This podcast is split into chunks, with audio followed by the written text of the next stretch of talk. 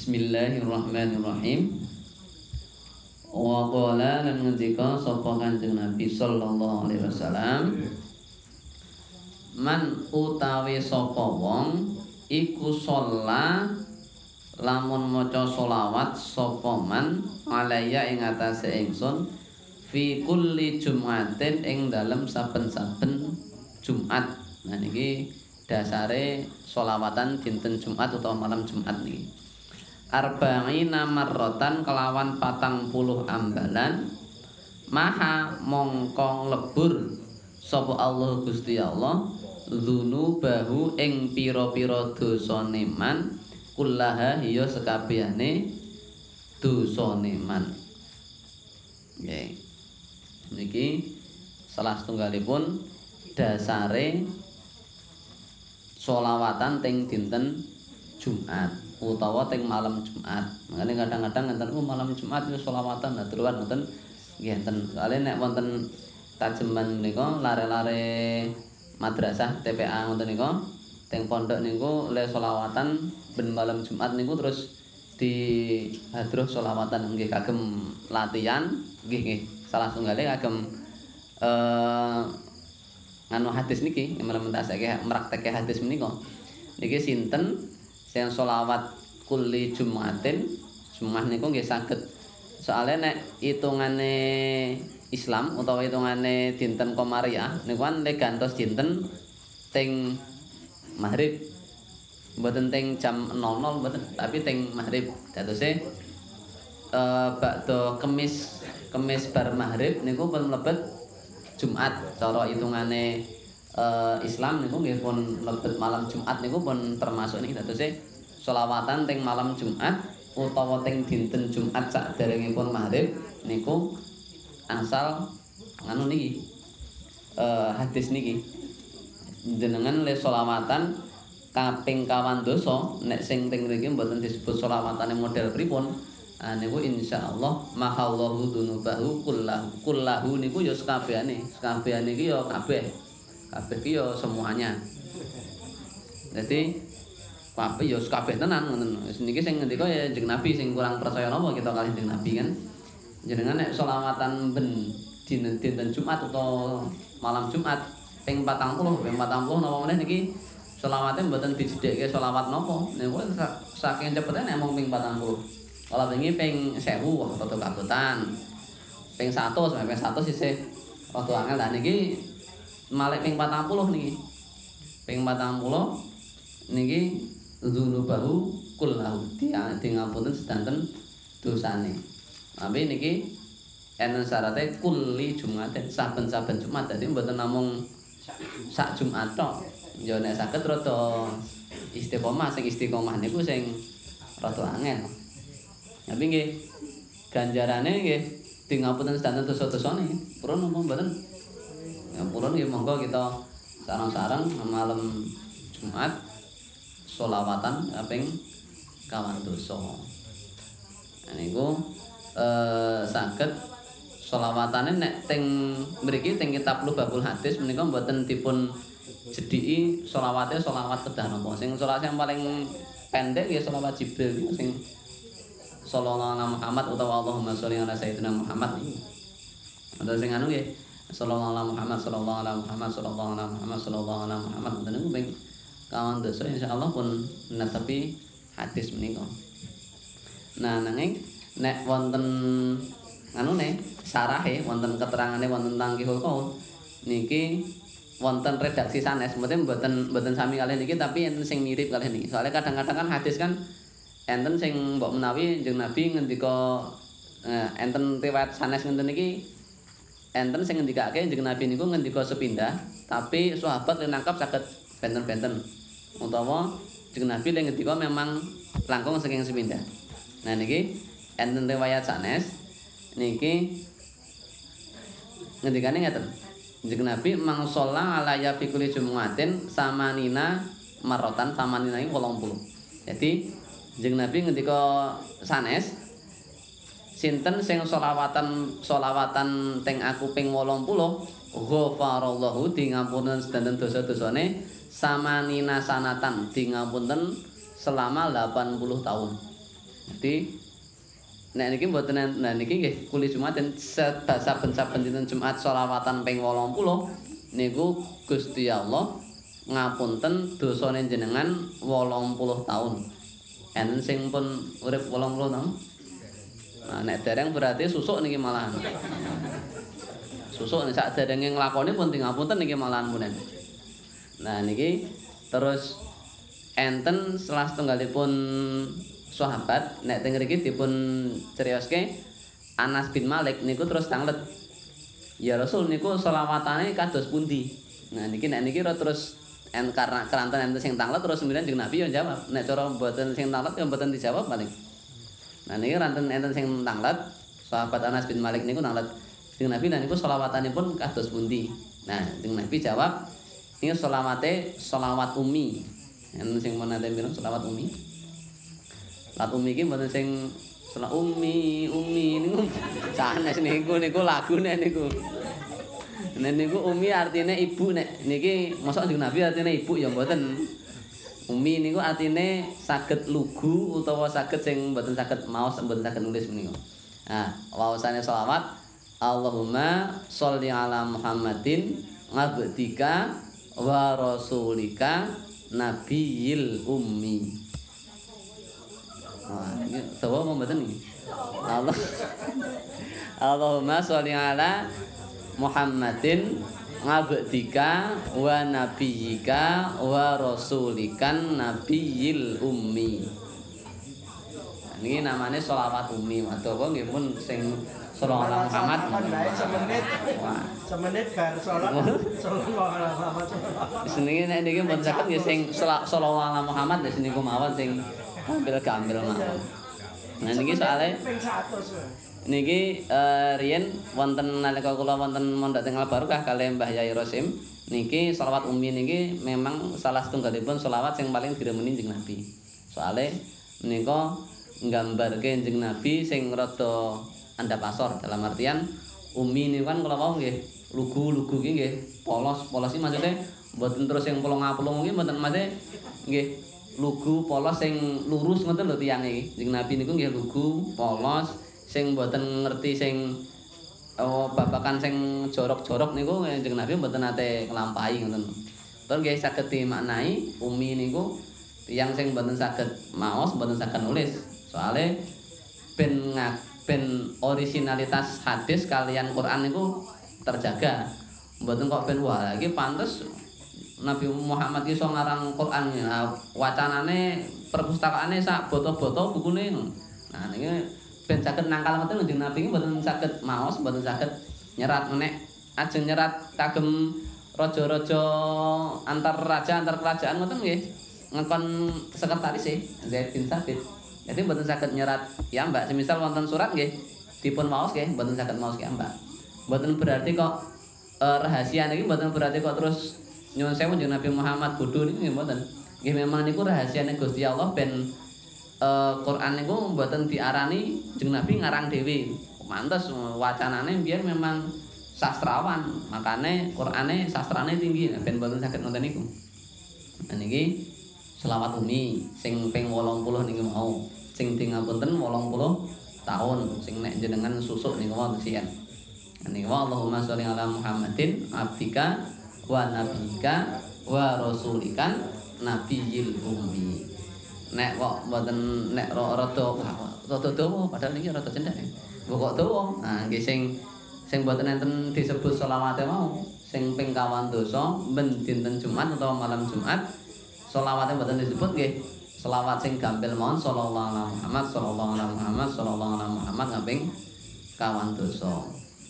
Utawa mbok menawi wonten binjing tahlilan wonten masjid dipun tambahi menika nanti sekalian ngamalai ngamalaken hadis. Niki utawa nek mboten sareng-sareng nggih. Piyambakan sallallahu alaihi wasallam wonten niku mbok menawi 3 menit pun rampung nek namung ping kawan dosa niku.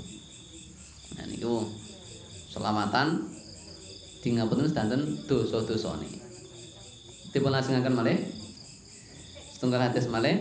Wa qala lan ngendika sapa kanjeng Nabi Muhammad sallallahu alaihi wasallam ma min du'ain ora ana donga illa bainahu kejaba iku tetep ing dalem antarane donga wa bainas samai lan antarane langit hijabun utawi aling-aling.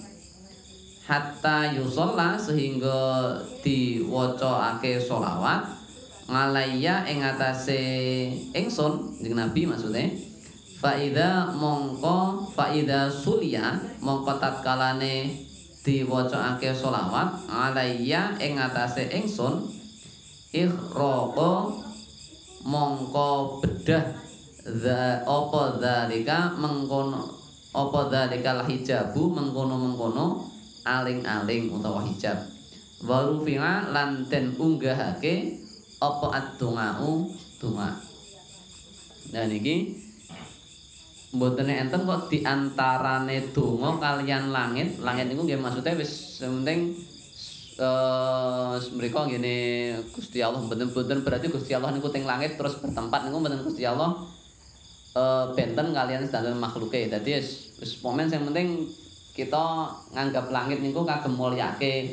Gusti Allah niku langkung inggil saking kita. Mboten enten kok antarane langit kalian dongane kita kiambak niku niku enten aling-aling mboten mesti enten aling-alinge. Enten aling-alinge enten penghalange. Nanti semisal kita ndonga ya Allah muga-muga tambah sugih jedher. Niku mesti enten penghalang enten aling-alinge. Nah, enten aling-alinge niku ya jenenge tembok ki ya biasane terus dadi dongane dadi mboten teki. Utawa semisal dugi ya dongane 100 sing tekan mungkur loro paling. Nah, niku ngendikane Kanjeng Nabi sampai jenengan mau sholawat dumateng Kanjeng Nabi niku aling-alinge niku terus jebol terus dongane keangkat teng langit. Nah, niku terus kemudian dipun ijabe dening Gusti Allah.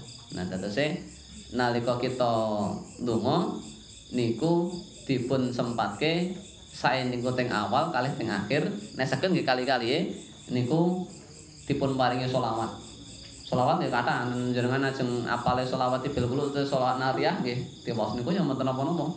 Utawa selawat sing Allahumma sholli ala Muhammad niku petok ya mboten napa-napa. Sing penting enten enten selawate.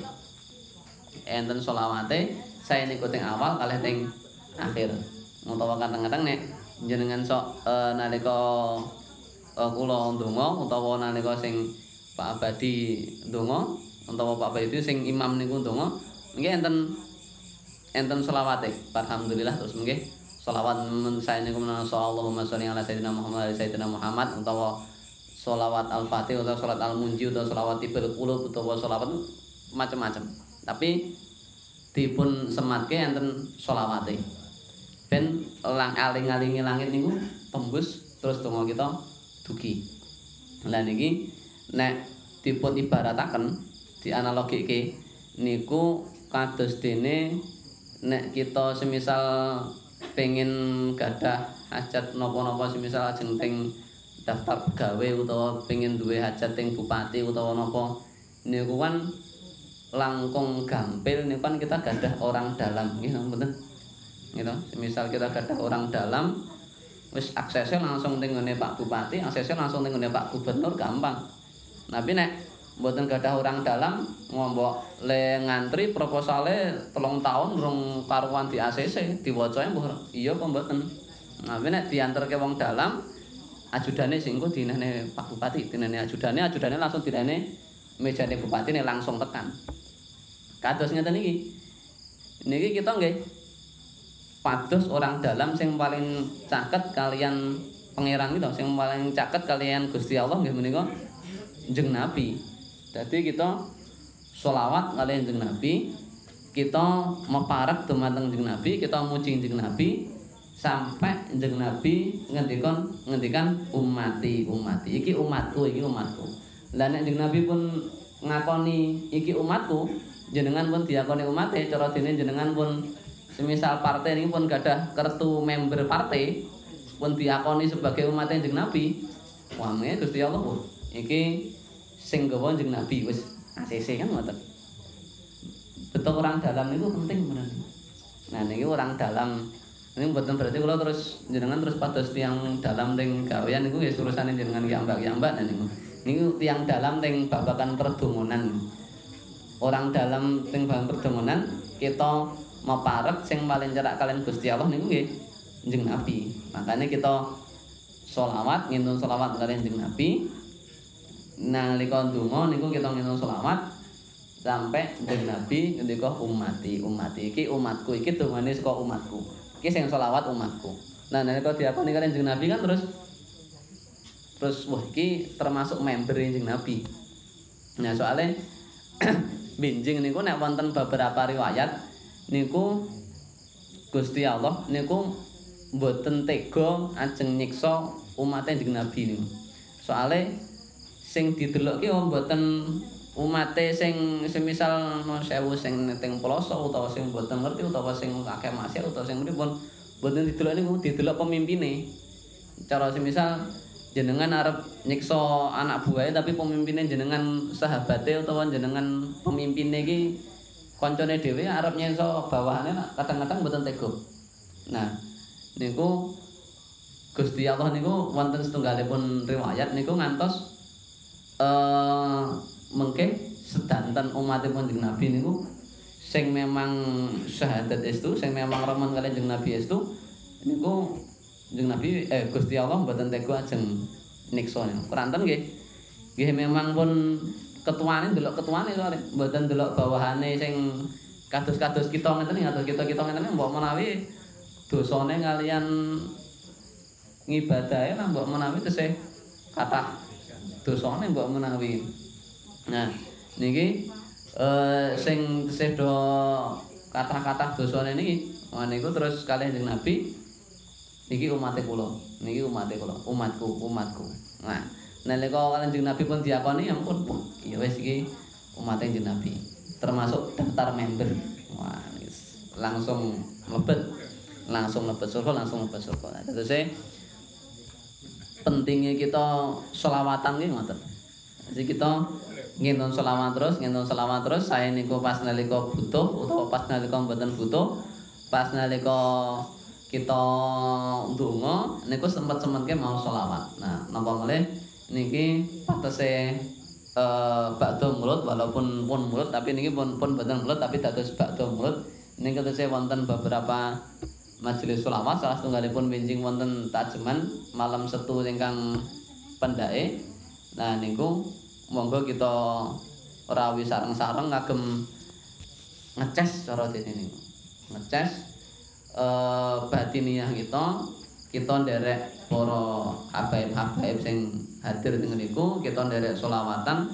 Rene kadang-kadang kita selawatan dhewe sinyale mbok menawi kirang kuat kita pados wifi sing koneksine langkung kuat kita makmum wonten nderek wonten wis mengke le dugi mereka sareng-sareng kan ngoten. Nah, niku soalnya nggih enten salah tunggalipun hadis sing manroa manroa manroa manroani manroani manroa manroani sapa sing tau iruh aku sing tau iruh kuwi tau iruh aku sing tau iruh ku tau iruh aku tau iruh ku tau iruh aku mlebet surga. Nabi ning ngendika ngoten Sing pun sing gadah peninggal riwayat turun temurun nate ningali Kanjeng Nabi iki sinten? Nggih putra-putrine Kanjeng Nabi. Putri-putri keturunan Kanjeng Nabi niku mesti riyen saking uh, Said Hasan Husain mesti ningali jeneng Nabi. Putrane mesti nilangi Said Hasan Husain. Mulai putrane putrane putrane putrane dugi sakniki para habaib sing teng Indonesia mesti nate ningali bapak-bapak bapak bapak Nah niku cara diturut peningale wajah niku nate ningali jeneng Nabi. Nah nek kita ningali wajah para habaib sing nate ningali ningali ningali ningali jeneng Nabi, insyaallah mungkin katutan mlebet surga. Nggih. kita sagede nggih namung nderek imam-imam para habaib sing sorot ini sinyale langkung ageng.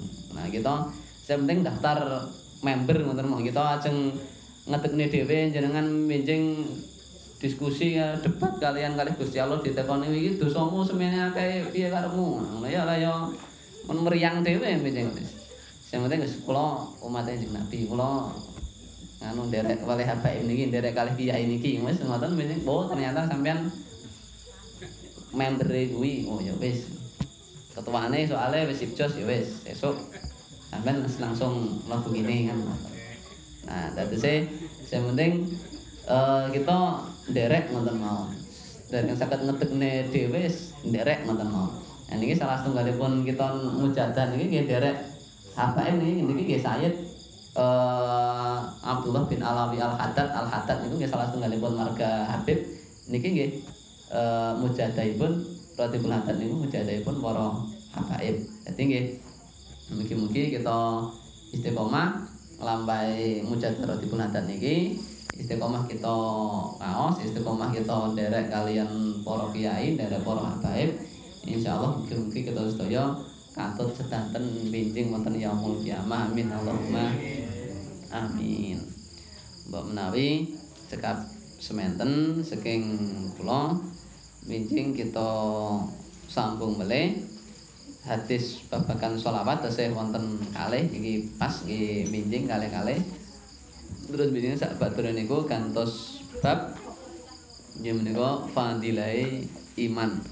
Iman iki kadang-kadang sok kita lalekke tapi asline pun nikmat atau keutamaan ingkang paling ageng. Nggih binjing kita bahas fadilai iman atau percatus kali Gusti Allah. Ini pun tentu tauhid atau tasawuf. Pak menawi cekap semonten kagem dalu menika monggo kita tutup ganti wa usaf hamdalah Alhamdulillahirabbil alamin. Assalamualaikum warahmatullahi wabarakatuh.